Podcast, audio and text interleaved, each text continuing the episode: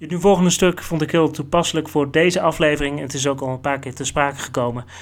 Het komt uit de Under the Hood, een van de literaire stukken uit de Watchmen comics, tussen de daadwerkelijke comics door. En Under the Hood vertelt het verhaal van uh, de oprichting van de Minutemen, eigenlijk de uh, voorlopers van de Watchmen. A masked adventurer's costume is one of those things that nobody really thinks about. Should it have a cape or no cape? Should it be thick and armored to protect you from harm, or flexible and lightweight to allow maneuverability? What sort of mask should I have? Do bright colors make you more of a target than dark ones? All of these were things that I had to consider. Eventually, I opted for a design that left the arms and legs as free as possible while protecting my body and head with tough leather tunic, light chainmail briefs, and a layer of leather over chainmail protecting my head. I experimented with a cloak, remembering how the Shadow would use his cloak to misguide enemy bullets, leading them to shoot at parts of the swirling black mass where his body didn't happen to be. In practice, however, I found it too unwieldy. I was always tripping over it or getting it caught in things, and so I abandoned it for an outfit that was as streamlined as I could make it. Mijn naam is Mike van Dooyeweert en dit is de Supercast, een podcast over superhelden.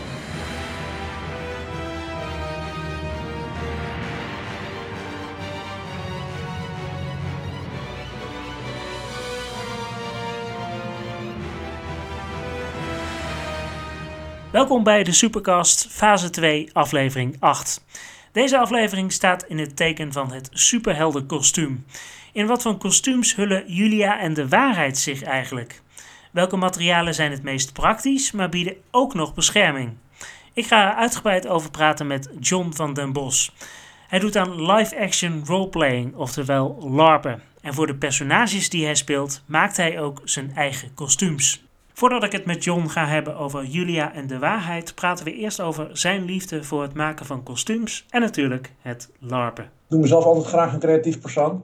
Um, en een van de grootste dingen, een van de dingen waar ik het meeste tijd en energie in steek om creatief mee te zijn, is, is kostuums. Want ja, ik, dat is gewoon een van mijn grootste hobby's. Ik, uh, ik larp heel veel. Um, ik doe zo af en toe ook wat uh, cosplay-achtige dingen. En kostuums maken is in die zin wel een klein beetje de rode draad die door mijn vrije tijdsbesteding uh, loopt. Is die uh, interesse voor kostuums, is dat gekomen met het LARP of, of, zat dat al eerder in? Ja, het, het, het, is met het LARPen wel, hoe zeg je dat, groter geworden. Um, ik ben al heel vroeg uh, begonnen met soldaatjes spelen. Um, ik, ik, woon nu in, in de stad, maar vroeger woonde ik in een dorp en was het bos echt letterlijk een steenworp afstand. Ik, ehm, als ik het huis uitliep en naar rechts keek, zag ik het bos al. Daar heb ik heel veel tijd, ook uh, heel veel tijd, vroeger ook heel veel tijd in doorgebracht. En uh, daar kwamen ook wel eens kostuums bij kijken. Ik kom uit een heel uh, creatief gezin. mijn vader is goed met houtbewerking en zo. Hij heeft het werkelijk lang geleden een houten ridderswaard, een houten ridderschild voor mij gemaakt. En mijn moeder het bijpassende, nou ja, de bijpassende outfit. En ja, weet je, dat heb ik een beetje met de paplepel ingegoten gekregen. En op een goed moment ben ik dat zelf ook gaan doen. In het begin uh, was het vooral ja, dingetjes knutselen. Ik heb een hele tijd uh, militaire modelbouw gedaan. Ik heb Warhammer gespeeld. Ik weet niet of de luisteraars dat wat zegt, maar Warhammer is nou ja, met speelgoedsoldaatjes spelen. Om het heel even kort samen te vatten. Met soldaatjes spelen in een fantasy setting. En dan een beetje zoals Command Conquer of uh, uh, Warcraft 3, maar dan als uh, bordspel. En dat begon langzaam uit te groeien nadat ik steeds vaker bij de winkel kom waar ik al moois kon krijgen. En die zeiden op een goed moment daar van, goh John, je bent zo creatief, je houdt van verhalen vertellen, moet je niet eens gaan larpen? En ehm, ja, ik ben een keertje gaan larpen. En toen is het ja, zo mijn leven ingekomen, daar ben ik niet meer van afgekomen. Eh, eh, kun je omschrijven, hoe, hoe voelde dat die eerste keer larpen? Die allereerste keer larpen was heel erg een gevoel van thuiskomen, zeg maar. Ik, nerdy hobby's zoals computerspelletjes en fantasyboeken lezen en zo. altijd een beetje ondergeschoven kindje geweest, in ieder geval in mijn jeugd. En ehm, ik had daar op school bijvoorbeeld niet altijd het meeste aanzien mee.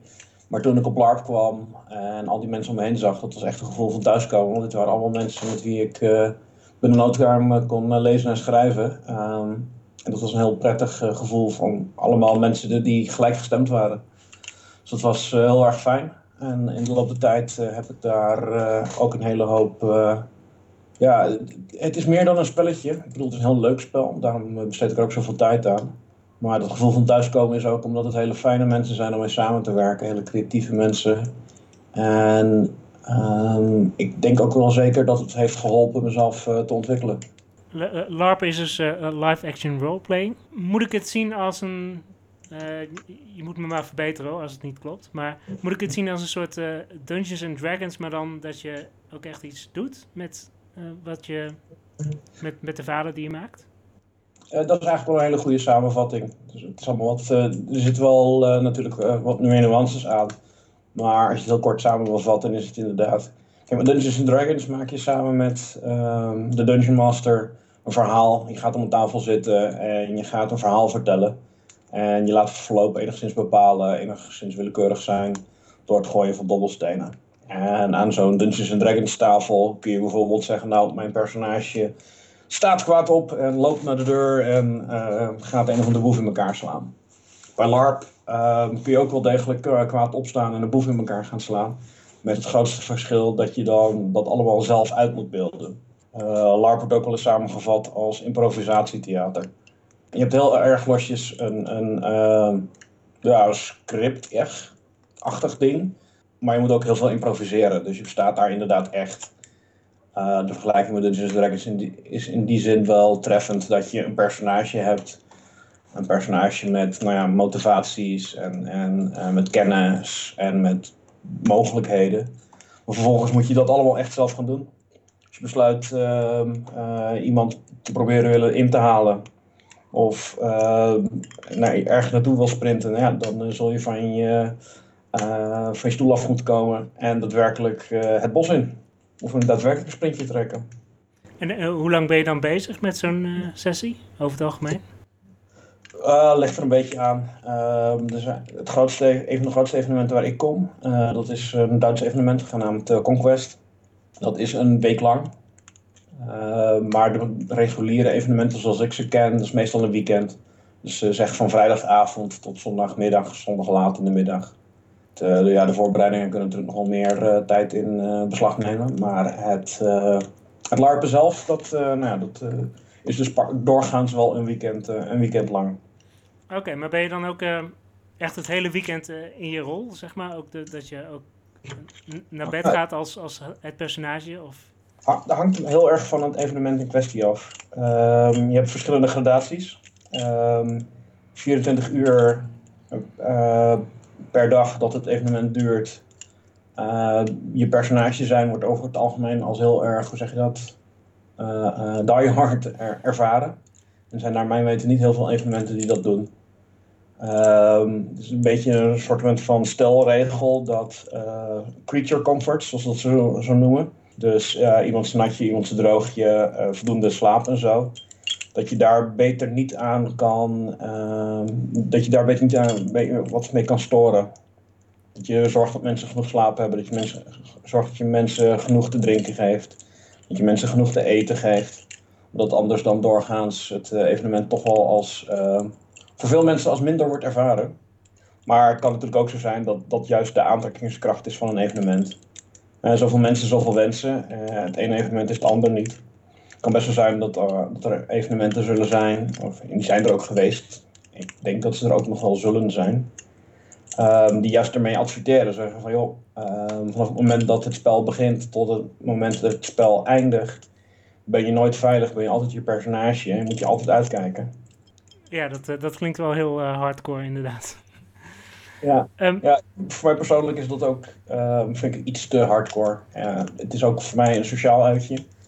Uh, een moment dat ik heel veel van mijn vrienden zie. Uh, en ja, weet je, tussendoor even een beetje, beetje bijkletsen van uh, hoe gaat het met jou? heb je nog wat spannends meegemaakt of wat dan ook? Dat hoort er voor mij ook al een beetje bij.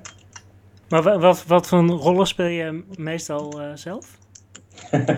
ik, ik, ik, sta bekend om, om uh, slechterik te spelen in divers plumage. meestal personages met een, hoe zeg je dat, beetje moraal grijs. Geen goody goody two shoes, die echt zeg maar, alleen maar het hart op de goede plek hebben. Nooit een onvertogen woord zeggen. Maar ook weer niet totale slechterikken die uh, puppies schoppen en het bloed van hun vijand alleen maar drinken. Een beetje in het midden. Vind ik persoonlijk het, het interessantst. Ja, precies. Je gaat echt in het grijze, grijze gebied zitten meer. Ja, precies. Ehm, kijk, weet je, ik, uh, Rorschach van The Watchmen vind ik bijvoorbeeld een interessant voorbeeld van een, een, beetje grijs personage. Um, hij is hij vecht voor het goede, of hij vecht voor verbetering van de wereld. Maar zijn methodes zijn dusdanig barbaars dat sommige mensen daar toch wel vraagtekens bij zetten. Zijn er meer slechterikken die je heel erg, heel erg aanspreken? Uit de wereld van de superhelden? Oeh, um, ik, denk, ik denk dat de eerste die er binnen schiet, dat is wel mijn favoriete slechterik uit de comics in ieder geval, en ook wel uit de films, is de Joker. Van, en dan ook vooral ik vind het onberekenbare aan de Joker vind ik erg cool. Hij is um, overduidelijk, tenminste in de meeste incarnaties, erg intelligent. Um, en, maar hij is wel heel gevaarlijk omdat hij heel onvoorspelbaar is. Dus dat vind ik een heel interessant personage. Uh, vooral ook dankzij. Ik, ik denk dat ik hem voor het eerst echt. Hoe zeg je dat? Ik, ik heb de tekenfilms vroeger ook wel gezien. Maar het personage leerde ik in die zin pas echt kennen toen met de Arkham games. Ik weet niet of je die toevallig kent. Uh, ja, ik ben de, de eerste ben ik officieel nog steeds aan het spelen. Maar... Nou, de, de, hoe de Joker daar neergezet gezet wordt, um, vind ik erg gaaf. En uh, later ook met uh, de, de, films en ook de allernieuwste Joker-film. Ik weet niet, ik vind het gewoon een heel intrigerend personage.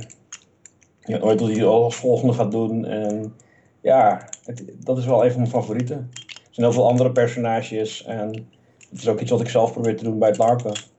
Uh, er zijn kwaadaardige personages die heel indimensionaal zijn. Ik bedoel, er zitten niet meer diepgang in dan um, ze doen kwaad omdat het kwaadrikken zijn die nou eenmaal kwaad geboren zijn. En als je dan gaat achterhalen wat, uh, uh, wat hun motivaties zijn en zo, dan wordt het soms heel erg bazig en eenduidig. En dan merk je al snel van, goh, deze slechterik is een slechterik omdat ze een slechterik nodig hadden. Dat was dat zo ongeveer. Maar hoe meer laagjes er in een personage zitten, of het nou een slechterik is, of een personage wat ik zelf neerzet, ja, dat, hoe beter wat mij betreft. Wat is precies die fascinatie met uh, uh, slechterik?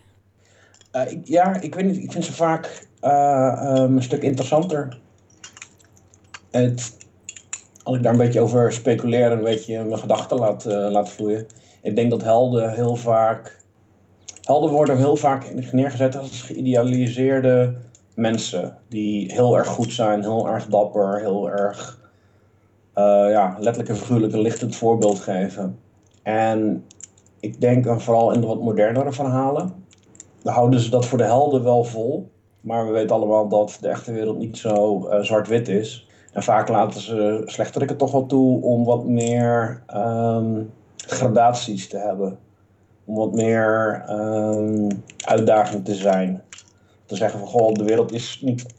Heel vaak de beste slecht, slechterikken hebben een plan waarvan je zegt, ja, je methodes staan er niet aan, maar het doel wat je wil bereiken, ja, daar is, uh, daar is nog wel wat voor te zeggen. En dat, ja, weet je, de, de, de goede rikken, de helden, die vind ik vaak ook bijvoorbeeld, en dat is dan weer mijn persoonlijke voorkeur, niet alleen qua inhoud, maar ook qua uiterlijk zijn de helden, vind ik persoonlijk een stuk minder interessant. ik, ik, ben wat dat betreft nog steeds heel erg visueel uh, ingesteld. En ik vind het uh, interessanter om naar. Even kijken, wie kan ik nog eens meer verzinnen? Ik vind uh, Thanos een interessanter figuur hebben dan de Perfect Boy Scout Captain America. Ik weet ongetwijfeld dat er mensen zijn die nu heel erg kwaad naar me zijn. Maar ik, ik, dat, dat is nou helemaal wat ik vind. nee, ik, ik, kan me daar iets bij voorstellen, inderdaad. Um, maar. Um, je noemde net al de Joker en er, er wordt heel vaak gezegd hij is een soort van uh, een soort spiegelbeeld van, van uh, Batman eigenlijk. Hoe, hoe, mm. hoe, zie jij dat? Ik denk dat er daar wel een bepaalde waarheid in zit. En afhankelijk van welke incarnatie van beide figuren je bekijkt, Ehm, wat ze allebei hebben is, ehm, om het met een fancy woord te zeggen, agency. Uh, dus ze hebben tot grote mate van invloed op de wereld om hen heen. Um, of kunnen dat hebben. Batman vanwege onder andere zijn gadgets en zo. Joker zou je kunnen zeggen, die heeft dat omdat hij gewoon een heel andere moraal heeft dan de rest van de maatschappij. en ze gebruiken dat allebei op een net iets andere manier. Um, ze zien allebei een wereld die niet is zoals, uh, zoals ze hem zouden willen zien. Maar het zijn inderdaad spiegelbeelden. Uh, Batman probeert die wereld beter te maken. Joker zegt ook de wereld beter te willen maken. Maar doet het op een hele andere wijze. Die uh, Joker is veel meer bezig met, hoe zeg je dat? Um, mensen eigenlijk voor zichzelf op te laten komen, zou je het kunnen lezen. En nogmaals, dat hangt een klein beetje af van welke uh, versie van het personage je hebt. Um, ik bedoel, het is net hoe je wil argumenteren, maar Batman zou je kunnen zeggen: je, Goh, Batman, je bent eigenlijk te beschermend voor mensen. Je neemt het steeds voor hun op, gaat in de weg staan. Uh, maar laat ze eens lekker zelf uh, de beest uithangen. En dat is ook een klein beetje wat Joker probeert te, veroorzaken. Die zegt van jongens, um, het is een hele gekke wereld. Uh, doe maar lekker wat je wil. Want weet je, uh, het is maar een kort leven en uh, laten we wat lol hebben. Maar eh, in, um, in hoeverre laat je je bijvoorbeeld inspireren door, um, door slechterikken in, in wat je doet tijdens het larpen? Het lastige of het leuke, net hoe je het wil bekijken, is dat je in een LARP heel vaak moet samenwerken het is lastiger om met een klassieke slechterik samen te werken. Uh, de, de, klassieke slechterik is vaak iemand die um, heel egocentrisch is, zo niet egoïstisch. Um, dus hoewel, het, hoewel ik het interessante personages vind, um, kan ik daar me niet altijd door laten leiden als ik op een LARP-evenement een personage neerzet. Maar ik probeer hem bijvoorbeeld wel het zo te spelen uh, dat, ja, dat er wel wat interessante moraliteit uh, komt. Een van de dingen die ik persoonlijk uh, een vrij geslaagd voorbeeld vind, was van tijden terug. Toen heb ik een heksenjager neergezet. Die, nou ja, zoals de titel al doet, vermoeden op heksen joeg. en die deed dat met hele lompe methodes. En daar is hij ook op aangesproken. En daar heb ik ook heel veel leuk verhaal uit kunnen, kunnen halen. Ook heel veel mee kunnen samenwerken. Van bekijken het verschil tussen uh, wat hij probeert te bereiken, heksen uh, uh, verslaan, en mutanten en cultisten en nou ja, allemaal gespuis, waarvan heel duidelijk was, joh, dit gespuis ehm, wil de wereld stuk maken, wil mensen doodmaken. Dat is niet goed. En dan kwamen personages van hem toe die zeiden van, ja, het is allemaal leuk en aardig dat je dit probeert te doen. Maar je bent mensen aan het martelen, ehm, je offert je soldaten veel te makkelijk op, je, je, geeft geen kans op, uh, hoe heet dat? Uh, op vergiffenis. Uh, wat is nou precies aan de hand? En dat was dan weer wat slechterikke trekjes, waardoor ik een interessante dialoog kreeg. Waarop mijn personage zei van, goh, weet je, het aloude maxim is waar. het doel heiligt de middelen. Hij was echt een levend voorbeeld van, of dus probeerde ik hem in ieder geval neer te zetten van dat, uh, van dat uh, van zegswijze. Ik wil uh, langzaam toe naar um, het, het, het kostuum zelf. Ik ben mm heel benieuwd. zijn, er, zijn er echt kostuums die echt je favoriet waren, waarvan je dacht van, ja, dit, is, dit is echt helemaal geslaagd? Ehm, voor mijn eigen kostuums of gewoon in het algemeen? Ja, van, je, van jezelf. Uh, dat is in de loop der tijd wel een klein beetje veranderd. Uh, de heksenjager die ik uh, er net aanhaalde, dat was een hele tijd mijn, mijn favoriete kostuum. Mijn, wat mij betreft, beste kostuum. een van de nieuwste kostuums die ik heb gemaakt is een heel uitgebreid Uruk-hai kostuum. Een heel andere sfeer. Maar wel heel erg, ehm, heel erg gedetailleerd en daardoor heel erg mooi. Omdat het ook een heel groot, sterk silhouet heeft. Um, recent heb ik ook nog een cyberpunk kostuum in elkaar gezet. Een heel minimalistisch, maar wel een heel sterk silhouet en ook met een paar mooie uh, lichteffecten. Um, dus het hangt er ook een klein beetje af, ja, wat, wat, is best? En um, wat ik heel gaaf vind, is in de loop der jaren ook een klein beetje uh, gewijzigd. Als ik op dit moment blind zou moeten zeggen, dit is op dit moment mijn beste kostuum. Dan zou ik denk ik alsnog voor de Urukai gaan. Omdat dat op dit moment het kostuum is wat het meest uh, ja, indruk maakt. Letterlijk en figuurlijk, want het is een heel zwaar kostuum. Je hebt het net over het uh, silhouet. Dat, dat vind mm -hmm. ik uh, interessant. Daar heb ik het in een voorgaande aflevering ook nog even over gehad. Hoe, hoe belangrijk is dat silhouet eigenlijk voor een, nou, bijvoorbeeld een, een, een held? ik zou durven te zeggen wel het belangrijkst. Um, ik hou er zelf ook rekening mee. Ik, uh, ik help mensen ook wel met kostuums. En het silhouet is wat mij betreft het belangrijkste stukje waar je rekening mee moet houden. Het, het silhouet is um, heel erg bepalend voor. Nou, het klinkt eigenlijk een beetje logisch om een open deur in te trappen, maar het silhouet is heel erg bepalend voor hoe je eruit ziet. En dat silhouet is dus ook iets waar ik op meerdere manieren rekening mee hou. Wat is het belangrijkste aan het silhouet? Wat bepaalt het silhouet? Om weer even de heksenjager als uh, voorbeeld uh, te nemen. Um, hij heeft een hele lange jas en een uh, Puriteinse hoed. Ik weet niet of het model bekend is, maar denk aan zo'n heksenhoed. Maar dan het puntje afge, waar de punt van af is. Zeg maar een hoge hoed, brede rand. Um, ja, lastig te beschrijven zonder een plaatje te laten zien. Maar Puriteinse hoed, zoek het eens op zou ik zeggen. um, en dat zijn de belangrijkste dingen. Welke kleuren uh, die zaken hebben, uh, wat voor textuur ze hebben, dat is eigenlijk wel minder belangrijk. Ook, ook interessant om naar te kijken. En het moet bijvoorbeeld niet, weet ik veel, uh, fel roze zijn als dat niet bij het personage past. Maar dat is zeker iets wat bepalend gaat zijn. En ik gebruik het ook, uh, ik zou wat ik al zeggen, ik help mensen ook met hun kostuums. En ik ga dan idealiter samen met ze kijken van oké, dat silhouet dat is uh, op een bepaalde manier gevormd. Wat is bepalend voor dat silhouet? En als je weet wat er bepalend is voor dat silhouet, is dat ook hetgeen waar je het meest in moet investeren.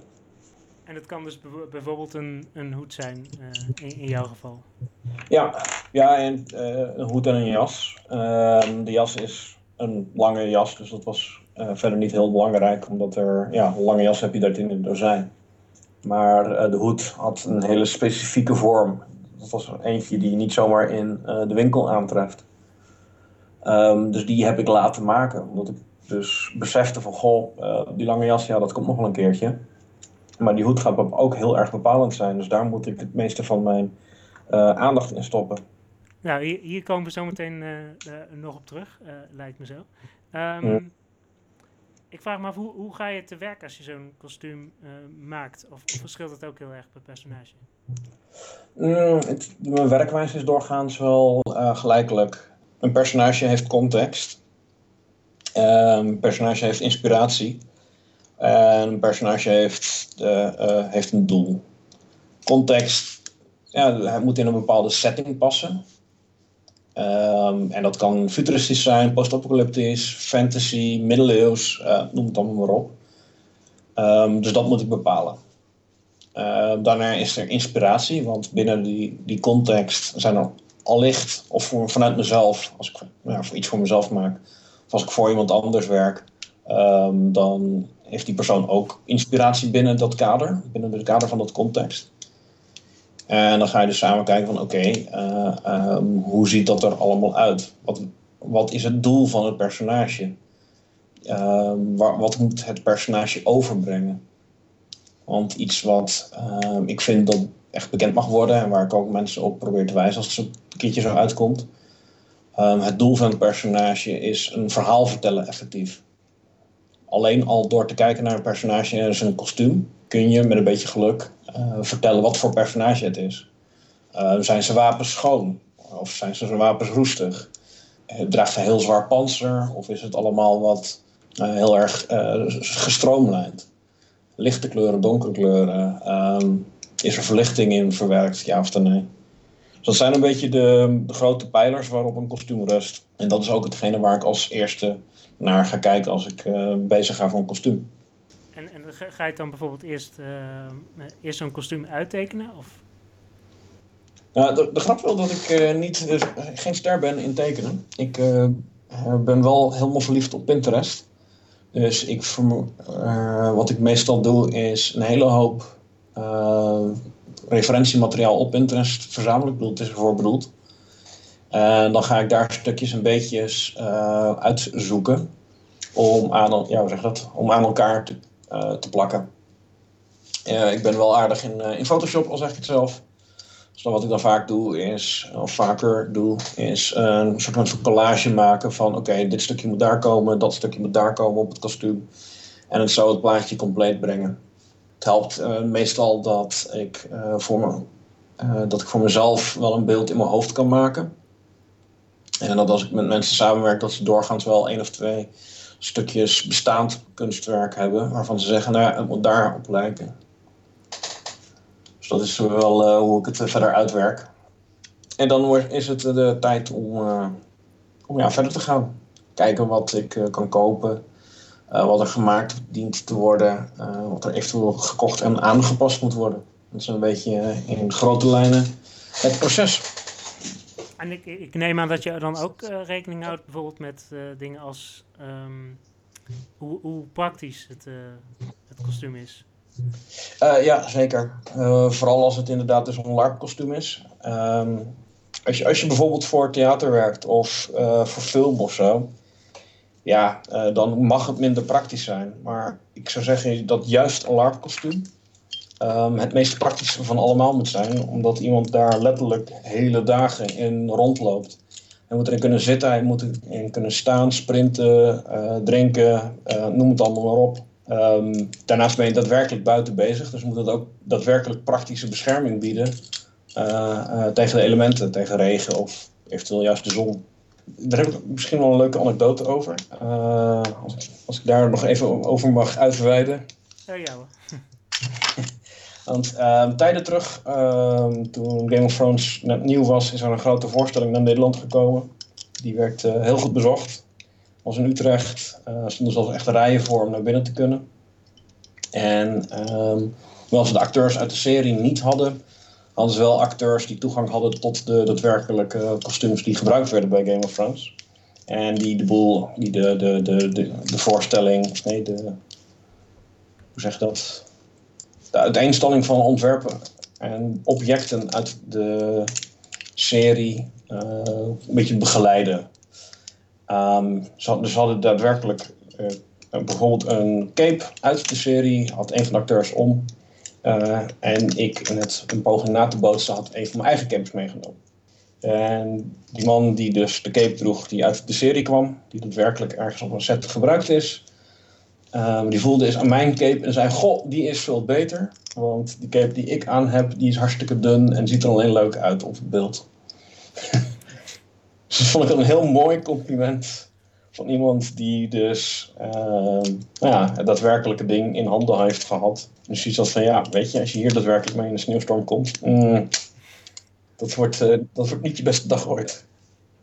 Maar wat zijn nou de, de, de meest, meest praktische materialen om te gebruiken? Uh, katoen. Dat, uh, katoen voor, voor stof. Uh, katoen is wijd verspreid. Wijd verspreid. Goed te verkrijgen dus. Um, doorgaans makkelijk te kleuren, makkelijk te verwerken. En als je voor wat hardere dingen wil, um, kun je kijken. Als je bijvoorbeeld panzer naar wil bootsen, kun je bijvoorbeeld kijken naar Eva foam, zoals het zo mooi heet. Het foam wat je gebruikt voor vloermatten. om op de yoga of op het gym of zo. En als je daadwerkelijk uh, panzer wil, dat er niet alleen mooi uitziet, maar ook daadwerkelijk wat beschermt, moet je toch wel vaak richting plastic plaat gaan. Um, of bijvoorbeeld dun metaal. Ik, ik persoonlijk ehm, ben, probeer altijd te zorgen dat wat het voor moet stellen en ook daadwerkelijk van dat materiaal is. Oftewel, een uh, panzer moet voor mij idealiter van metaal zijn. als iets van stof moet zijn, nou ja, daadwerkelijk van stof. Leer van echt leer, et cetera, et cetera. Maar wat het meest praktisch is, hangt ook heel erg nauw samen met wat is het gebruiksdoel. Um, als, je, uh, ja, als je alleen maar mooi hoeft te zijn op de foto, dan kan inderdaad een mooi afgewerkt Eva kostuum al snel meer dan voldoende zijn. Uh, als het echt, echt heel erg uh, veel stress te verduren krijgt, als het letterlijk door de modder gaat, als je ermee door de bos moet sprinten, et cetera, et cetera. kan het zijn dat, ja, dat een simpel katoentje niet voldoende is. Dat je naar wat dikker en steviger op zoek moet. zijde kan heel mooi zijn als je daar een jurk van maakt en, en op de 11 centimeter rondloopt.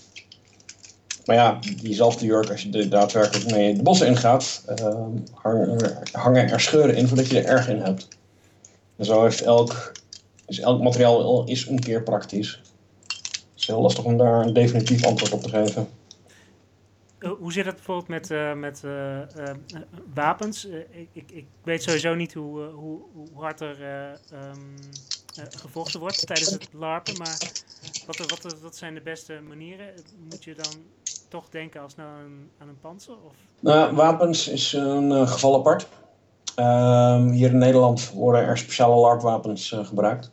Die zijn van schuim. Ehm, met een harde kern, meestal glasfiber, om te zorgen dat het schuim uh, zijn vorm behoudt. En het hangt verder heel erg af van het evenement waar je bent. Het uitgangspunt is eigenlijk uh, meestal dat iemand met minimale training een dusdanig moet kunnen gebruiken dat hij er geen echte verwondingen mee veroorzaakt. Dus dat hij naar ja, zeg 10 minuten instructie ehm, zonder problemen een showgevecht kan houden. Dus bij het larpen wordt, worden wapens dan ook daadwerkelijk vaak van schuim gemaakt. Soms van rubber, een beetje af van het evenement. Uh, maar buiten dat ja, gaat eigenlijk hetzelfde op uh, als wat ik eerder zeg. Wapens zijn toch wel vaak ook van rigide materialen. Of, de, of als het om bijvoorbeeld een zwaard gaat, ook daadwerkelijk van metaal. Uh, dat staat toch bijvoorbeeld mooier als je een fotoshoot of een film of een theater mee gaat doen. Om voorbeeldjes, voorbeeldjes te noemen. Wat is dan het beste om zeg maar, die klappen uh, op te vangen? Wat is in, het, in het kostuum zelf, zeg maar? daadwerkelijk panzer. Dus dat is bijvoorbeeld hard leer of daadwerkelijk metaal. veel LARP. veel LARP-krijgers zullen daadwerkelijk echt metalen panzer dragen.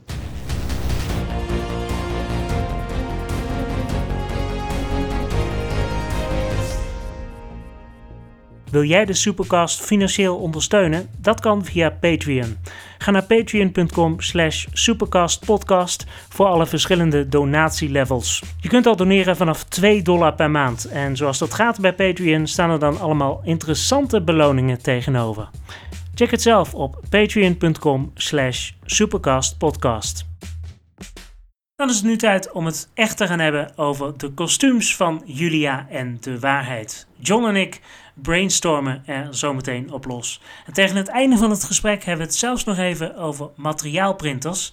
En dat is iets wat in uh, andere afleveringen ook al eens voorbij gekomen is. Maar dat dus zometeen. Eerst alle aandacht voor het kostuum. Een van de dingen die ik nog uh, zou willen vragen en die ik nog niet echt uit heb gehaald uit de afleveringen, of misschien niet goed opgelet, eerlijk is eerlijk, is um, hoe grimmig het universum is waar, waar ze in rondrennen. Want dat bepaalt ook ten dele, uh, in ieder geval wat mij betreft, voor hoe het kostuum eruit gaat zien. Moeten we denken aan uh, Marvel, waar alles toch best wel technicolor is en, en, best blij en grote contrasten, zowel letterlijk als figuurlijk. Of wordt dit meer, meer DC Comics met Batman en, en, en Even kijken wat hebben we dan nog meer met de Joker, met Gotham City, waar het allemaal wat uh, gruiziger is. Ja, het is, het is sowieso een, een hele realistische stijl. Althans, zo, zo realistisch mogelijk. Uh Ik zat zelf meer richting bijvoorbeeld een Watchmen te denken. Ah, kijk. Daar, daar, dat, is, dat is een mooi, want daar, uh, daar, word ik al, daar ben ik al fan van. Dus dat is een, een mooie uh, vergelijking. Ze worden een beetje een Nederlandstalige Watchmen. Nou, dan wordt het beeld al helderder. Want um, ja, als je naar Watchmen kijkt, die hebben niet heel, extra, heel extravagante zaken. Nou, misschien met uitzondering van The Night Owl, voor die uh, gast ook weer precies heet. De, de Batman geïnspireerde figuur. Maar Rorschach, eh, waar ik het toevallig ook eerder over had, uh, die heeft niet veel meer aan dan een, uh, een trenchcoat zijn masker is natuurlijk heel erg ehm, kenmerkend voor Rorschach. En een gleufhoed. En dat soort zaken kunnen we ook voor onze helden dan gaan verzinnen. En, en, een inspiratie die ik nog vergat te noemen is ook, ik weet niet of, of, je, het, of je het kent, maar The Boys. Ah ja, die ken ik wel, ja. Oh, dat is ook wel mooi. En dan, hangt er een PR-departement uh, uh, achter de verschijning van heel veel superhelden. Wat natuurlijk ook een mooie is. Ja, het is, het is, vooral, zeg maar, um, het is vooral een wereld waarin helden ook social media hebben. En um, vooral de waarheid eigenlijk, die, heeft, die, is, die moet heel erg ook dat, dat imago hebben van een, een superheld. Een soort Nederlandse versie van Homelander, zeg maar. Ja, precies. Ja, daar, zou je leuke dingen kunnen doen met... Kijk, kijken wat voor, wat voor held het precies is. Uh, Homelander is deel, ten dele gebaseerd op de Minutemen in, in sommige opzichten. En de Minutemen waren... God, ik ga nu echt proberen geschiedenis op te halen van Amerikaanse geschiedenis. En Fan is gebaseerd op een, oude, op een oude stijl van uh, soldatenuniformen. En dat zou je voor de waarheid natuurlijk even goed kunnen doen. Want dat, dat, is ook iets wat, wat met kostuums belangrijk is. Ik noemde het geloof ik al even. Met een kostuum kun je een verhaal vertellen. Met hoe het eruit ziet, wat het bij zich heeft, wat het niet bij zich heeft, kleurgebruik, et cetera, et cetera echt een Nederlandse superheld is, door en door. Nou, dan kunnen we in ieder geval, weten, kunnen we bijvoorbeeld het kleurenpalet al bepalen. Dat wordt dan gewoon de kleuren van de vlag met oranje erbij. Daar heb ik het met, met de andere gasten inderdaad ook al over gehad. daar kwamen we toen nog niet helemaal uit, maar inderdaad, voor de personages de waarheid denk ik toch aan, ja, in ieder geval rood-wit-blauw. Ja, zeker. Uh, kijken, als ik me goed herinner was het... Um, het is al even geleden dat ik de afleveringen door heb geskimd. Maar het was al een fysieke, uh, hoe heet dat? Fysiek sterk personage, toch? Uh, ja, net iets te gespierd voor zijn, voor zijn leeftijd. Um, Altijd mooi. Maar is wel, het is, bij hem is wel een beetje de vraag in hoeverre zijn, zijn, um, zijn spieren allemaal natuurlijk gekweekt zijn. Dat is wel een beetje een, een ding. Klassiek, klassiek. Wat is dan de waarheid? Ja, precies. Uh, even kijken. het beeld dat er nu in mijn hoofd... Ik, ik, moet gek genoeg ook een beetje denken aan The Riddler. Het is, zo'n mooie uh, antagonist zijn voor de waarheid. Ik bedoel, de man met het vraagteken krijgt dan ook de man met het uitroepteken? Of, dit is de waarheid? dat is ook belangrijk als je kijkt naar. In, in, Watchmen is dat niet zo uh, uh, aanwezig. Maar in heel veel andere superheldenmedia heb je natuurlijk heel erg dat superhelden een, een symbool hebben. En ik denk dat ook als, als de waarheid echt een, een, een aanwezigheid moet hebben, een Nederlandse aanwezigheid, een, een beetje een Homelander-achtig type moet worden, dan zou ik zeggen, laten we voor Homelander we zeggen, laten we voor Homelander. Laten we voor de waarheid ook een symbool bekijken. Wat, wat, wat, zou een goed symbool zijn voor de waarheid? Inderdaad een uitroepteken bijvoorbeeld? Um, uitroepteken is misschien wat te, hoe zeg je dat, te simpel. Wat ik persoonlijk zou zeggen uh, is meer iets in de richting van um, uh, een licht, een baken, een lantaarn, een vuurtoren. Iets wat uh, de waarheid aan het licht brengt dat is ook iets wat je mooi kan verwerken, vind ik persoonlijk, in een hele hoop die we in het Nederlands hebben. Ik bedoel, een van de belangrijkere die je hebt is letterlijk de waarheid aan het licht brengen. Wat is er dan mooier dan de waarheid iets van een lichtsymbool te geven. Het kan zoiets eenvoudig zijn als een gestileerde lantaarn. Het kan een fakkel zijn. Even kijken, wat hebben we nog aan Nederlands dan denk ik een beetje aan het, wat je bij de Olympische Spelen hebt qua symboliek, wat daar omheen hangt. Een echt Nederlands symbool is natuurlijk de leeuw. Dus je zou bijvoorbeeld kunnen zeggen, oké, okay, uh, het wordt wel wat complexer en wat lastiger af te beelden. Maar je zou kunnen zeggen, laten we een leeuw maken die, ehm, die een lantaarn draagt of die een toorts draagt. Een toorts kun je ook weer meer dingen mee, ook op symbolische waarde. Met de toorts overdragen aan anderen, aan een nieuwe generatie, aan andere bondgenoten, et cetera, et cetera. Nou, ik vind sowieso die, die een, een, iets van een lantaarn of een, of een zou, zoiets van een vlam ook kunnen? Um, op zich wel. Ik, waarom ook niet? Het belangrijkste daarbij is, is dat het herkenbaar is. Als je dan een vlam pakt um, en je weet wat het kleurenschema is, dan zou je die vlam op een hele specifieke wijze moeten tekenen. Die dan herkenbaar is van, oh hey, dat is niet zomaar gewoon een gestileerde vlam, maar dat is dan de vlam van de waarheid. En die dan ook een bepaald kleurenschema gaan hebben. Ik bedoel, als je naar de S kijkt van Superman, om even een zijsprongetje te nemen, dat is niet zomaar een S. Die is op een specifieke manier neergezet uh, met een specifiek kleurenschema. En iedereen weet van, oh hey, dat is de, de, de symbool van uh, Superman. En zo verder van uh, bijvoorbeeld, nou ja, wat hebben we meer? Batman natuurlijk, um, The Riddler, even kijken. Maar ook bijvoorbeeld symbolen van science fiction films zoals Star Wars er zitten ook een paar symbolen tussen die heel erg duidelijk zijn van hé, hey, dit is het ding. En dat is ook iets wat je zou willen bereiken met zo'n symbool. Het moet echt heel erg herkenbaar worden van oh hé, hey, dit is het symbool van de waarheid. Dat die bij wijze van spreken als een soort van, uh, uh, weet ik veel, herkenningsteken zou kunnen doen, ook als hij in uh, burgerkledij rondrent. even kijken, een moderne superheld, echt krachtig, Nederlands niet per se of je er een soldaat van wil maken. Ja, hij heeft wel een, een, militaire achtergrond. Dat is wel waar hij vandaan komt. Maar... Ja, ja, precies. Dan is het ook weer, um, om even terug te stappen richting uh, een Marvel-held, Captain America. Um, die is natuurlijk ook letterlijk uit het leger gekomen. Uh, maar dat, dat, dat zie je bij hem wel terug, omdat het echt een supersoldaat is op meer manieren dan één. Zijn uitrusting is erg gestroomlijnd. Eh, heel erg, hoe zeg je dat, uh, tactisch. Wel in Captain America kleuren, maar het had ook een futuristisch soldatenuniform kunnen zijn. Maar als ik dan nadenk over de waarheid, ligt er ook een klein beetje aan wat het verhaal is wat je wil vertellen, ook via het kostuum.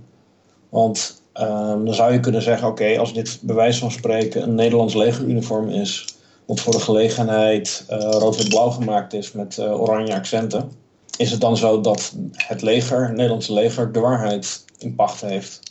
De waarheid vertelt? Of is de, de waarheid meer onafhankelijker? Wat je in mijn ogen uh, mooier zou maken, zou kunnen maken, is dat de waarheid in zijn uh, kostuum een aantal dingen heeft die uh, wel van het leger afkomstig is, maar verder wat generieker is, om wat los te weken van het leger om ook te kunnen zeggen: Goh, um, deze superheld doet zich in ieder geval voor alsof hij onafhankelijk is. Onafhankelijk van hoe onafhankelijk hij is. Zou het dan gebaseerd moeten zijn op, op een militair kostuum? Uh... Nou, dat, zou zeker, dat, zou zeker kunnen, vooral als, hij, als de waarheid nog steeds trots is op wat hij in het leger heeft gedaan. Is het niet meer dan logisch om daar wat mee te doen. Sterker nog, als we er ook in acht nemen dat, dat het een beetje Watchmen-achtig universum is, een beetje een realistisch universum, waarin je geen, um, of, of minder in ieder geval, high-tech dingen hebt, of echt hele, hoe zeg je dat? nog geen high-tech technieken hebt om, om panzers te maken of wat dan ook, dan is het niet meer dan logisch dat hij uit zijn eigen oude militaire kit zijn kostuum samenstelt daarin zou je dan ook het kleurenschema uh, rood, wit en blauw bijvoorbeeld terug uh, kunnen laten komen. Ja, ja precies. Um, dan zou je kunnen, kunnen zeggen van oké, kijk naar um, hoe het tenue eruit ziet van een, um, een moderne Nederlandse soldaat. Die wat mij betreft niet heel erg veel verschilt van Amerikaans, Duits, wat dan ook. Maar vooral met het kleurenschema erbij krijgen dan alles heel snel iets unieks. Vooral als je dan uh, zegt, nou het is een uh, setting waarin best wel wat futuristische dingen zitten. Dan zou je bijvoorbeeld wel kunnen stellen, oké, laten we um, het tenue van een soldaat, Nederlandse soldaat pakken. En veranderen het kleurenschema naar als bijvoorbeeld basis ehm, blauw of wit. Rood dan natuurlijk. En daar overheen een borstpanzer met, ehm, met het symbool mooi middenop neergezet. Um, en daar ook wat meer met de kleuren mee spelen.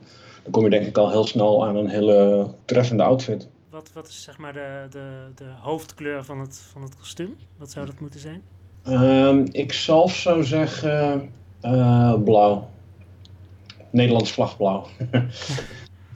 Want ik, ik persoonlijk vind uh, donkere kostuums gewoon ook een klein beetje een, een persoonlijke voorkeur. Maar ik hou meer van uh, donkere kostuums. Waarop dan uh, felgekleurde elementen uitspatten. Dan vice versa. Um, dus dan zou mijn keuze zonder meer zijn om blauw. en dat is op zich nog steeds aan de lichte kant natuurlijk. vooral als je inderdaad letterlijk het blauw neemt dat er de Nederlandse vlag zit.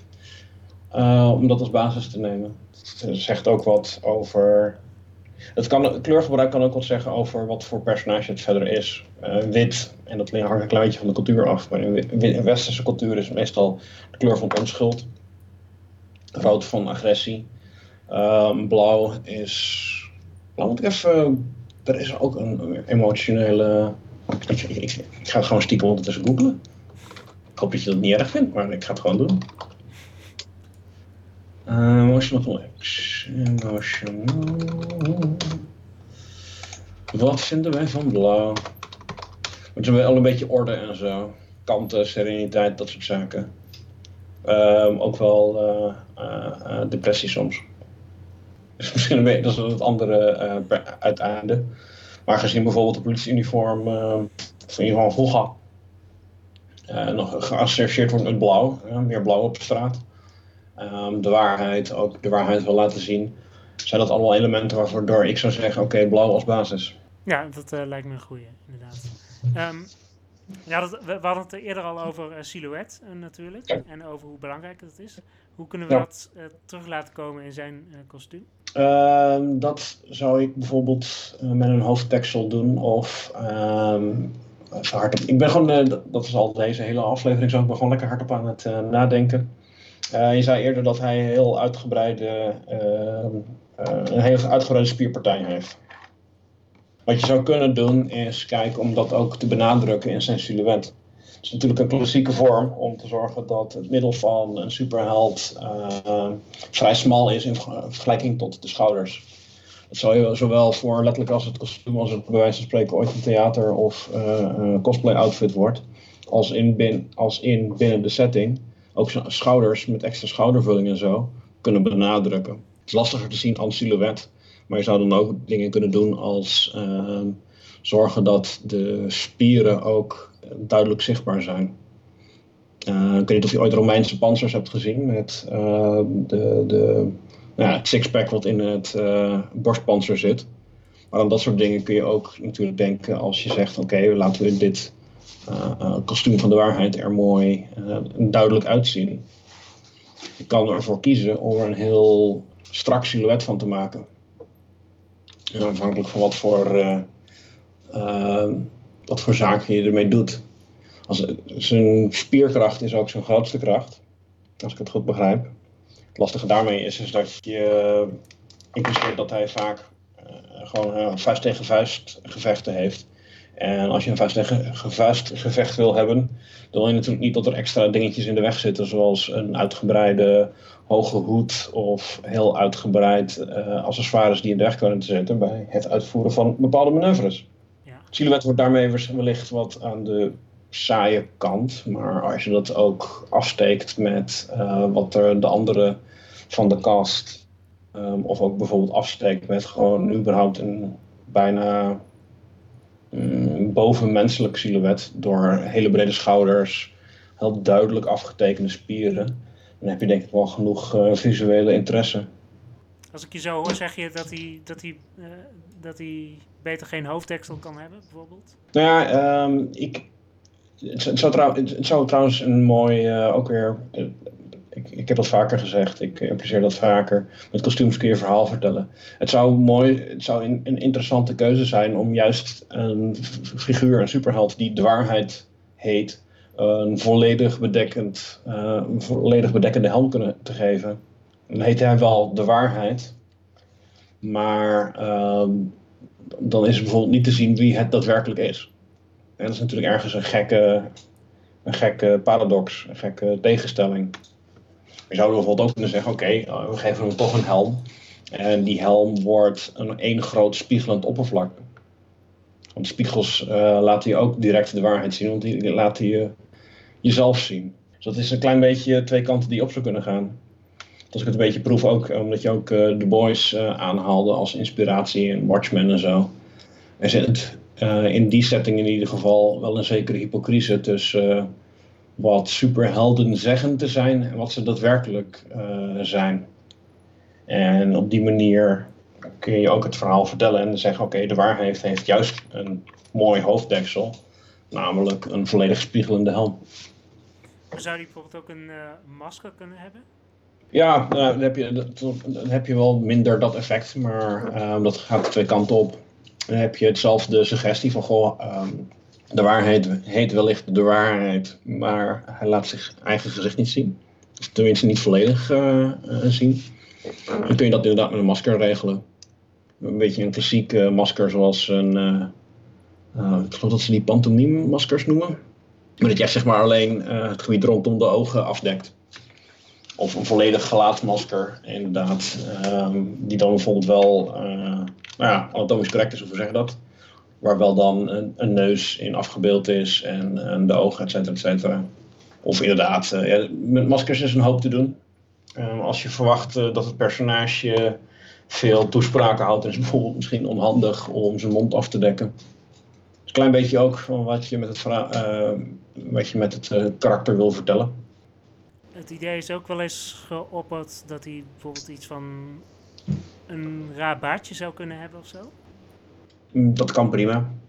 Wordt het uh, als heel snel wat meer cartoonesk, uh, cartoonesk van. Ja, dat, dat, is een beetje het nadeel, ja. In, bij, in mijn ogen. Dus ik persoonlijk zou het... Uh, ik, zou, ik zou het niet doen. een baard kan prima. Een baard is heel, staat heel erg mannelijk, heel erg um, krachtig doorgaans. Ongeveer, ik zit even voor mezelf na te denken, maar ik geloof dat ongeveer alle fictionele mannen met baard, of die een prominente baard hebben, uh, ze worden wel krachtig afgebeeld. Denk aan uh, oude klassiekers zoals Vikingen, bijvoorbeeld. wat nieuwere games zoals Kratos in God of War. Um, die hebben allemaal een baard en dat geeft een bepaald soort mannelijkheid. Dus aan zich een baard kan prima, maar ik zou het niet in een rare vorm doen. Lijkt lijk, lijk, lijkt me een slecht plan. Ja, dat, dat, dat, lijkt me ook iets te, te cartoonesk inderdaad. Ja, een goede baard is wellicht een, uh, wellicht een idee. Zeker, want uh, nou, als het een ex-soldaat is, en, ja, rondom soldaat hangt ook een, bepaalde sfeer van een, paar uh, stereotypes en een baard past daar stiekem toch wel bij. Wat erg gek is, want um, er zijn best wel strenge restricties voor soldaten over wat ze al dan niet op hun gezicht mogen laten groeien. ja, dit, dit, is wel grappig trouwens, want het, dit is volgens mij voor het eerst dat we met de, de waarheid uh, uh, beginnen. Maar de, de, dus, ja, dat is zeg maar qua uiterlijk ook wel de, de, de meest interessante persoon, denk ik, qua, qua kostuum. Maar laten we doorgaan naar, naar Julia. zij, is, zij is eigenlijk wat minder de poster girl-achtige superheld. Ja, ze is wat meer een Jessica Jones-achtige type. Die ook vaak gewoon op onderzoek uitgaat. En um, ja, ze heeft een, een, politieke achtergrond. Daar zou je ook iets mee kunnen doen. Uh, natuurlijk in het kostuum. Oh, zeker. Ik weet niet of ze op een bestaande politieke partij uh, geënt is. Maar uh, politieke partijen hebben eigenlijk altijd, dat, dat moet ook, want nou ja, daar is het een politieke partij voor, die moet zichzelf kunnen identificeren. Die hebben al een kleurenpalet, um, die hebben al een symbool doorgaans. En als uh, Julia een politieke partij echt nauw, uh, aan het, bijdraagt, echt heel, zich heel erg sterk mee identificeert, dan zou je het voor Julia al zo simpel kunnen doen om, om die, die connectie duidelijk te maken dat ze een ja, clubsjaaltje onder de nek heeft in de juiste kleuren dan heb je al heel snel van, hé, hey, wacht eens even, zijn dat niet de kleuren van, nou ja, puntje, puntje, puntje. Groen is eerder geopperd, omdat ze toch uit, van oorsprong van de wat meer linkse komt. Ja, dan daar, daar zou je, nou, dan, er zijn zat groene dingen, ook, ook weer, het is misschien ook wel grappig om daarmee te kijken, want groen is natuurlijk bij uitstek iets van legergroen. Dus uh, je zou bijvoorbeeld kunnen zeggen, oké, uh, het is een praktische heldin die het graag praktisch houdt en zo op haar eigen houtje ook dingen doet en misschien wat politiek geëngageerd is. Dan zou je bijvoorbeeld kunnen zeggen, oké, zorg dat ze een legergroene, een jas van de legerdump heeft of een broek. Uh, om toch een klein beetje weer te kijken naar uh, praktischheid.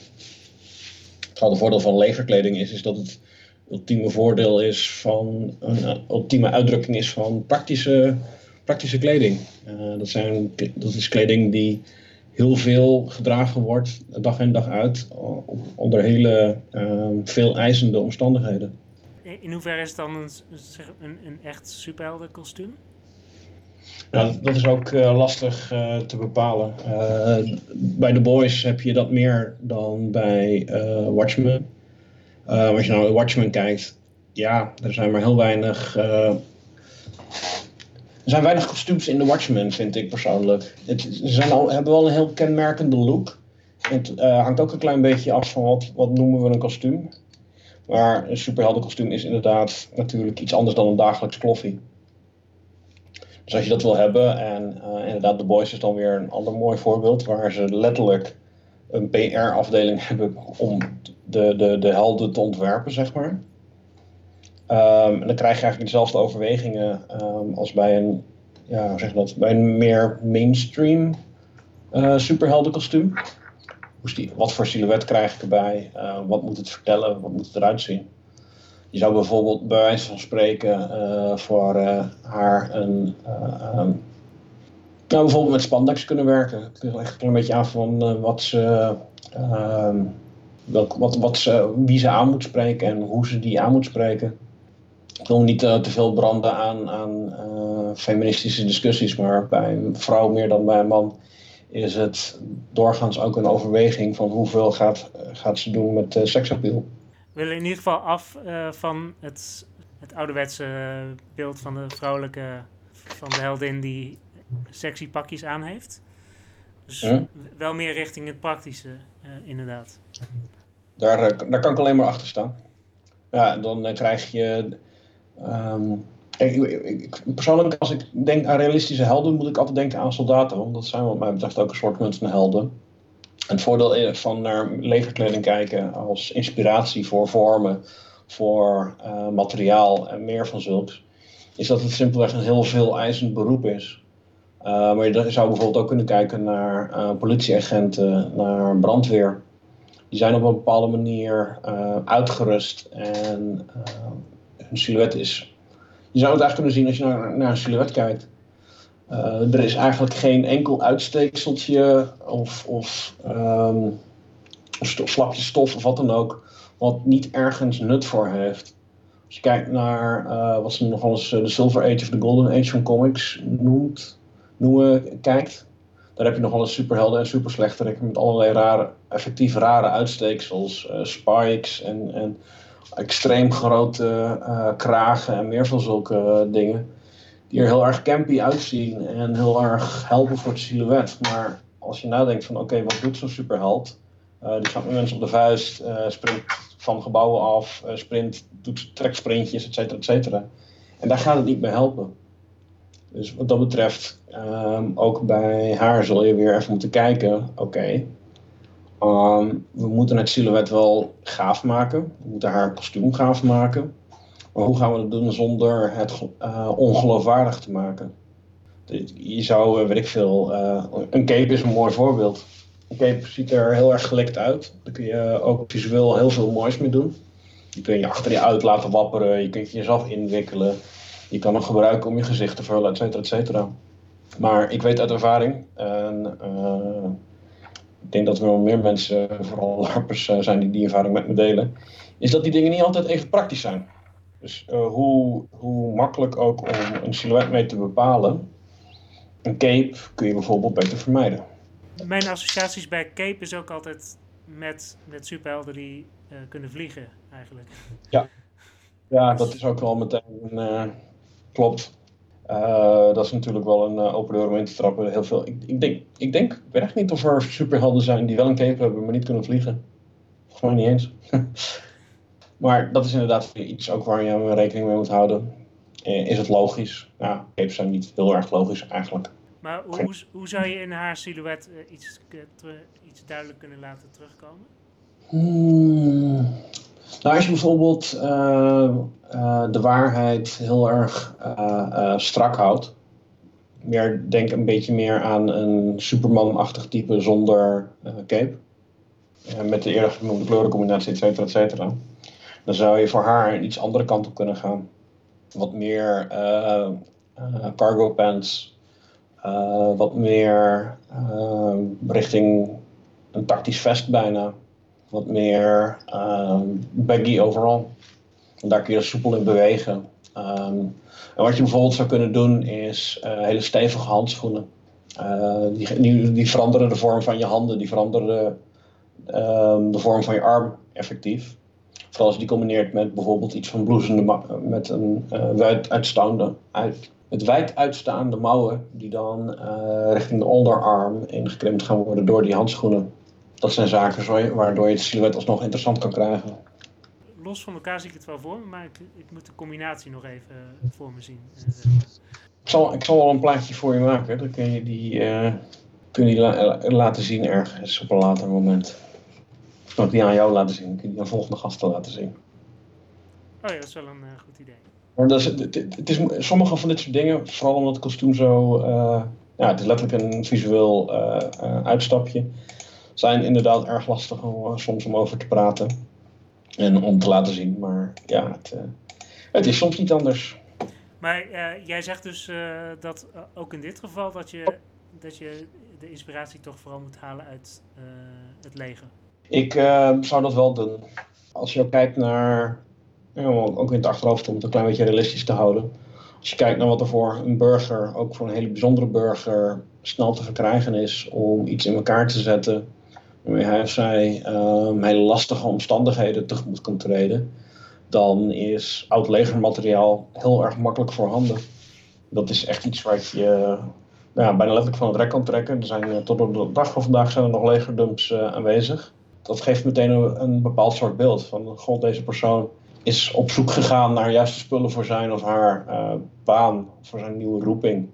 En heeft dat gevonden. Um, als je kijkt naar uh, andere verhalen omtrent superhelden waar hun um, pakken vandaan komen. Tony Stark heeft zijn Iron Man suit hoogstpersoonlijk in elkaar gezet. Een super fancy um, productiefaciliteit. Uh, Peter Parker heeft uh, zijn Spider-Man kostuum in elkaar gezet met zijn eigen naaimachine en gewoon met de hand genaaid. dat zijn echt totaal verschillende dingen. Die ook er verschillend uitzien en ook binnen het binnen de fictie van hun universa ook verschillende niveaus van bescherming bieden. Zoals al is er moderne technologie in een setting, je moet wel toegang hebben tot de juiste apparatuur om die technologie aan te wenden. En dat is wel iets waar je rekening mee dient te houden, me dunkt. Ik heb het hier met uh, Martijn ook over gehad. Die opperde eerder ook al het idee van een materiaalprinter bijvoorbeeld. Mm dan beschikbaar zou zijn. Zou dat een handige uitkomst zijn? Eh, oh, zeker. En vooral, uh, ik, ik hou toevallig in de gaten. 3D-printers eh, en alles wat daarbij komt kijken zijn heel erg mooie dingen om uh, mee te bouwen. dus die hebben wel mijn aandacht. En het is helemaal niet zo'n gek idee om te zeggen, nou, goed, weet je, ehm, in de nabije toekomst of ergens een prototype, dan kan het niet alleen plastic printen, maar bijvoorbeeld ook metaal of wat dan ook. En dan ben je al heel erg dichterbij. Uh, nou, bijvoorbeeld mooie panzerstukken die mooi aan elkaar overlopen en zo. Dus dat is oprecht uh, natuurlijk wel een goed idee en ook een goede uh, om in het achterhoofd te houden. En waarmee je het een en ander kan verantwoorden van hé, hey, dit, is, dit is waarom het eruit ziet zoals het eruit ziet. Daar, wil ik zo meteen nog even uh, op terugkomen. Eerst vroeg ik me nog af, heeft, heeft Julia nog een, een symbool nodig? Um, ja, Julia voelt me meer als de, een beetje, ik kan zeggen underdog, maar dat is ook niet helemaal waar. Uh, voelt mij meer een beetje als de, als de grassroot heldin die, um, het heel erg goed bedoelt, maar nog een klein beetje, hoe zeg je dat, dichter bij de straat staat misschien. En ik zou haar geen symbool geven. Symbool geven aan een, uh, op een kostuum, aan een personage, geeft toch op een bepaalde manier, vind ik in ieder geval, uh, een orde aan die geeft aan van oké, deze persoon heeft, goed, heeft letterlijk het een en ander goed op orde. Uh, maar deze persoon heeft ook een, een, een systeem, is een, een, instituut zelfs. Maar dat, dat is ook iets dat, dat moet groeien. En in het begin, ja, dan zal dat niet zo sterk aanwezig zijn bedunkt. Ik, ik zou haar nog geen symbool geven, juist omdat het ook een beetje te laten zien van, hé, hey, Julia is nog niet helemaal, uh, is nog niet helemaal klaar voor misschien? Nee, dat klinkt ook weer zo verkeerd. Is nog niet helemaal, moet even naar het woord komen. Hoop ik voel je een beetje aan waar ik heen wil, maar... Ja, ik, ik, snap wel wat je, wat je bedoelt inderdaad. We zijn al lekker eh, de hele aflevering uh, voor, voorbeelden aan het aanhalen. vergelijken Rorschach met Homeland, Homelander. Allebei helden in hun eigen recht, maar Homelander is veel, duidelijk, veel duidelijker een instituut. In tegenstelling tot Rorschach. En dat is ook iets waarmee je kan spelen als element. Nog een ding, want we, hadden het ook al over uh, de, de, de social media. En dan kom je toch weer een beetje op de, op het de boys-achtige wereldje. Ja. Um, Julia is ook heel erg uh, actief op uh, social media. En dat wil ze ook doen als ze superheld is. Het lijkt me daarom wel handig dat ze iets in haar kostuum heeft waarmee ze ook live kan gaan, bijvoorbeeld. Oh ja, dat, dat is wel een heel mooi element. Dat kun je zo duidelijk maken als je wil. Maar weet je, we, we hebben het tegenwoordig al. Je kan het gewoon van de plank halen. Het is mooi om dat soort dingen dan uit te vergroten. Wat je bijvoorbeeld zou kunnen doen, en dat is wel iets wat mij dan het mooiste zou lijken, is een vrij slanke rugzak hebben voor haar. Waarin dan extra materiaal zit waarmee ze haar signaal kan versterken. En, en waar dan een laptop of een computer ingebouwd zit. En dat helpt uh, in ieder geval haar zij en um, achter een silhouet ook meteen. Dus je daar in die, in die rugzak zit echt een extra techniek. En dan heb je ook weer wat uh, bijvoorbeeld op haar uh, onderarm, waarmee ze dat het een en ander kan bedienen. Het echt hier zou dat uh, best compact kunnen, maar omdat je hier met superhelden van doen hebt, dan is het natuurlijk des te mooier om te zorgen dat het een beetje bulky is en een beetje ja, opvalt. Dus ja, dat is een, een goed idee natuurlijk. dat zou er dan bij moeten. Ja, ook, ook, ook een idee in dit verband dat al is uh, geopperd, is dat ze bijvoorbeeld, uh, bijvoorbeeld iets van een uh, Google Glass-achtig achtig iets zou kunnen hebben. Een soort, als een soort omgekeerde Clark Kent, zeg maar. Dat ze, hm. Ja, ja, ja. Dat, dat, nou, dat, dat is natuurlijk ook een goede. Ook dat kun je heel erg mooi uitbreiden naar iets wat heel erg kenmerkend is voor het personage ik kan me zo een scène voorstellen waarin ze dat opzet als een van haar belangrijkste uh, hoe heet dat? onderdelen. Zo van, hé, hey, dit, is, dit is het punt waarop ik, de, waarop ik in het superheldenpak stap, letterlijk en figuurlijk. Waarmee we zorgen, zeggen van, hé, hey, zij is nu klaar voor de strijd. En het is nu tijd om, uh, om er weer bezig te gaan. Om te zorgen dat de boeven sneuvelen. Ja, is, is er verder nog iets van Julia wat, we wat we heel erg moeten vaststellen als het gaat om het kostuum?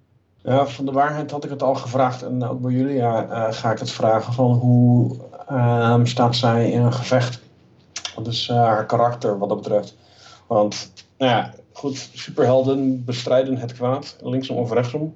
Daar, daar kun je niet omheen. En dat moet op een bepaalde manier gebeuren. Um, zou ze dat doen door ze te beschieten of wat dan ook?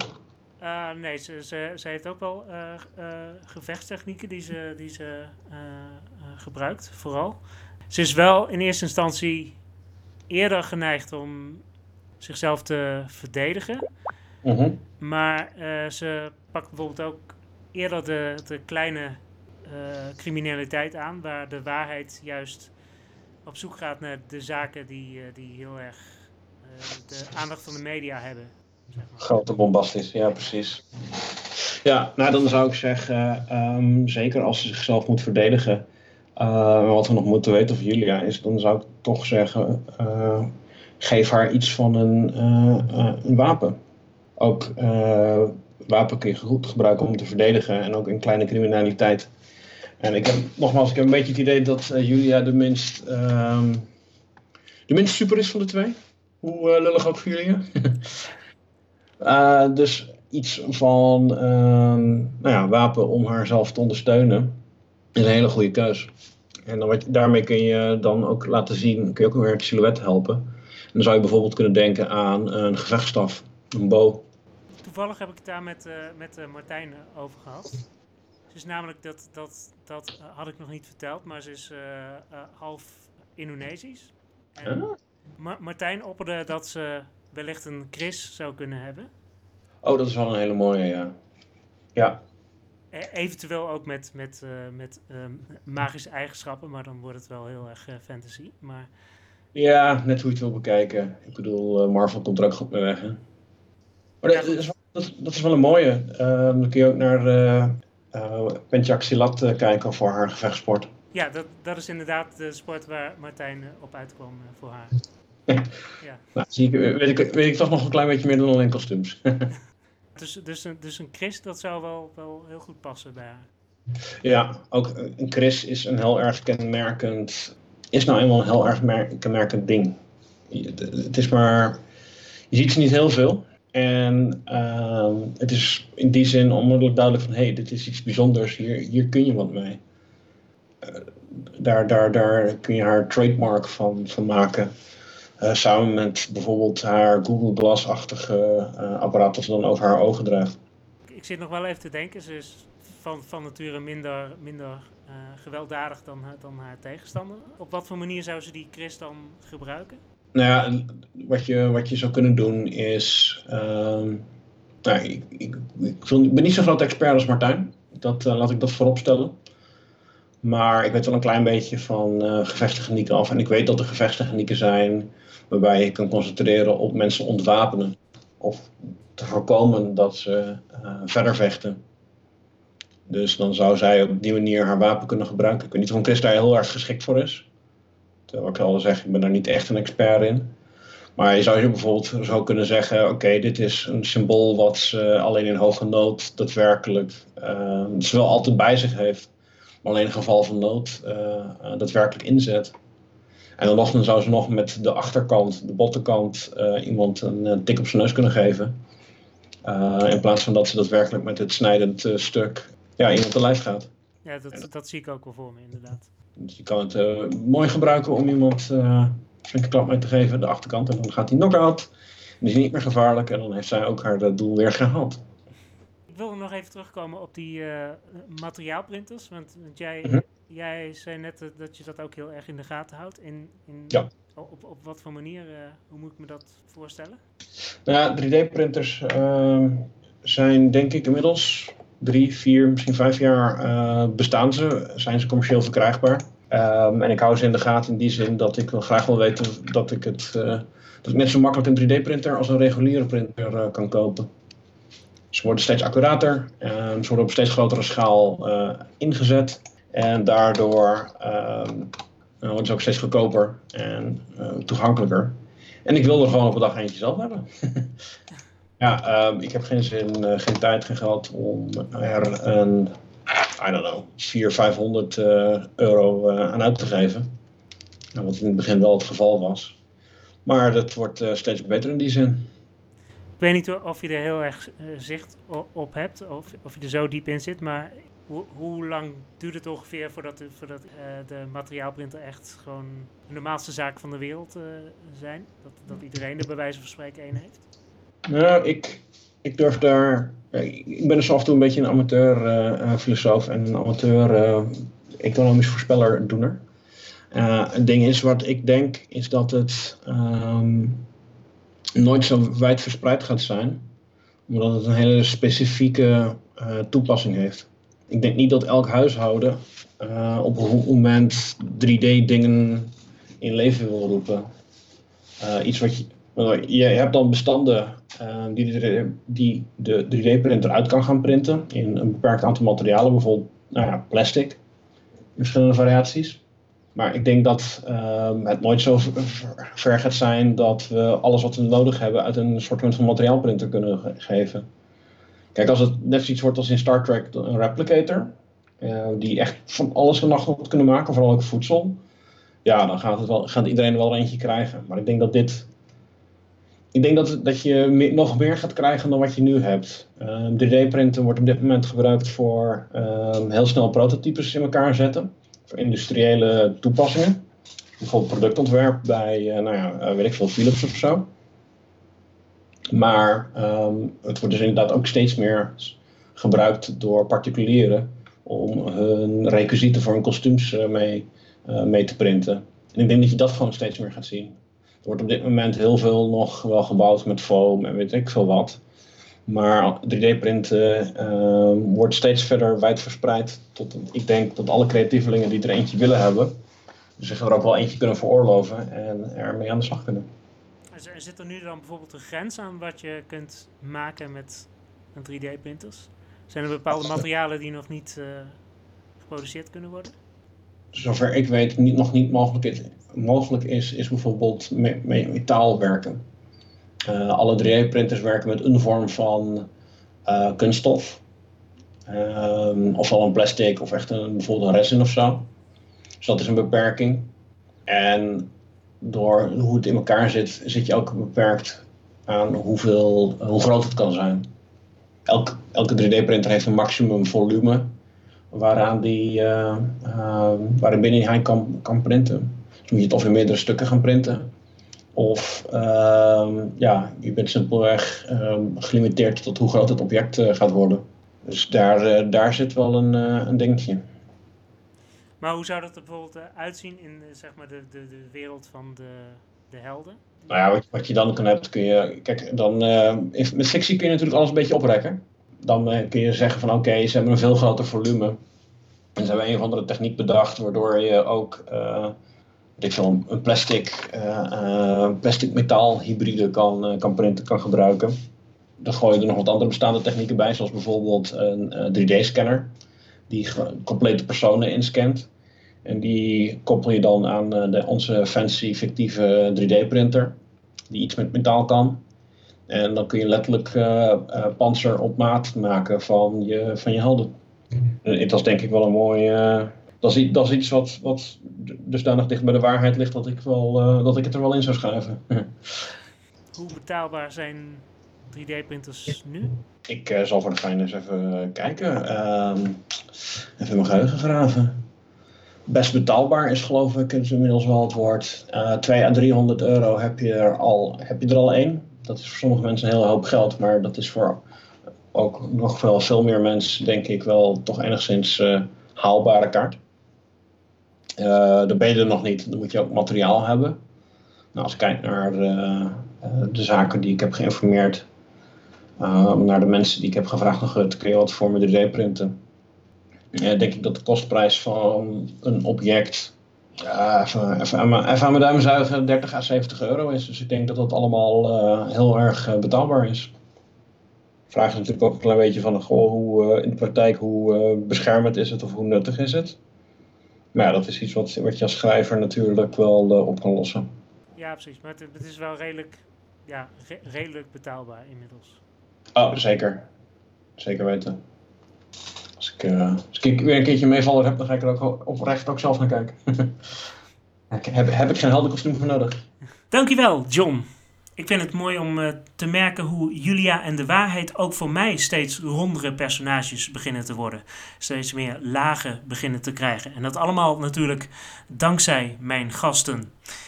Vind de Supercast op audiogeeks.nl, Spotify, Apple Podcasts en jouw favoriete podcast app. Ben je op Apple Podcasts? Laat dan ook even een review achter. Wil je de podcast financieel ondersteunen? Dan kun je dat doen via Patreon. Ga naar patreon.com slash supercastpodcast. Voor de volgende aflevering blijf ik nog even hangen in de roleplay-modus. Dan is mijn gast Rick Vechel van Vechel Fantasy en de Audio Geeks podcast D Dutch. En hij gaat me helpen om Julia en de waarheid om te toveren tot Dungeons and Dragons personages. Dat uh, gaat wat beloven. Tot de volgende keer.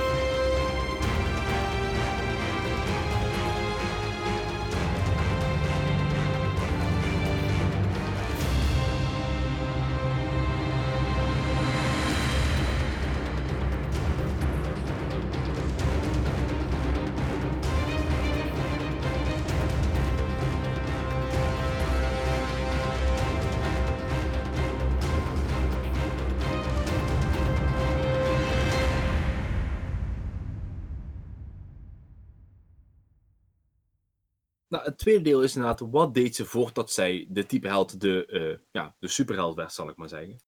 Dan moet ik even verder in mijn hele mooie grote boek van Sinterklaas, zal ik maar zeggen, uh, gaan zoeken. Sinds Dungeons 4th edition heb je backgrounds, een achtergrond. Iets wat de helden deden voordat ze held werden. En over het algemeen heb je daar een paar, ja, een paar standaard voorgemaakte keuzes. Bijvoorbeeld uh, een, een, een crimineel of juist wel een, een volksheld. Je hebt de, de reiziger, de, de, de boekenworm. Uh, of wel misschien een soldaat. Nou, in het geval van de waarheid kunnen we heel snel zeggen: ik denk dat we een idee hebben wat hij heeft gedaan. Maar in het geval van Julia hebben we natuurlijk een uh, politica. Iets dat niet zozeer bekend is in Dungeons and Dragons. Althans, je hebt natuurlijk wel de, de gildes en de, de ambachten wat daar een grote rol in kunnen spelen. En misschien wel nobels. Uh, maar dat zijn allemaal dingen die wat ik niet zo goed vind passen bij Julia. Dus met behulp van de vorige podcast wil ik kijken naar de custom background. En dat wil zeggen dat we een paar attributen uit mogen kiezen waar we zeggen, daar heeft ze gewoon oefening in gehad. Naar aanleiding van het verhaal dat jullie al bedacht hebben in een eerdere podcast. You can't fucking quit! You can't fucking quit! You can't fucking quit! Relax. Op audiogeeks.nl vind je nog veel meer geek podcasts. Wat dacht je van Shay Geek of Geekers op je speakers voor gesprekken over allerlei geek onderwerpen? Of specialistische filmpodcasts als Cinema Coda en Movie Insiders? Fans van superhelden kunnen terecht bij de Supercast. En liefhebbers van de Ghostbusters kunnen een lol op met de podcast van de Spokenjagers. Ben je meer into Dungeons and Dragons? Daar hebben we ook een podcast voor tegenwoordig. Die and Dutch van Vechel Fantasy. Er is zelfs een podcast waarin chips gereviewd worden. Crippled Crisp Review. Probeer dat maar eens tien keer achter elkaar te zeggen. Genoeg te beleven dus voor de geek. Check audiogeeks.nl Hmm.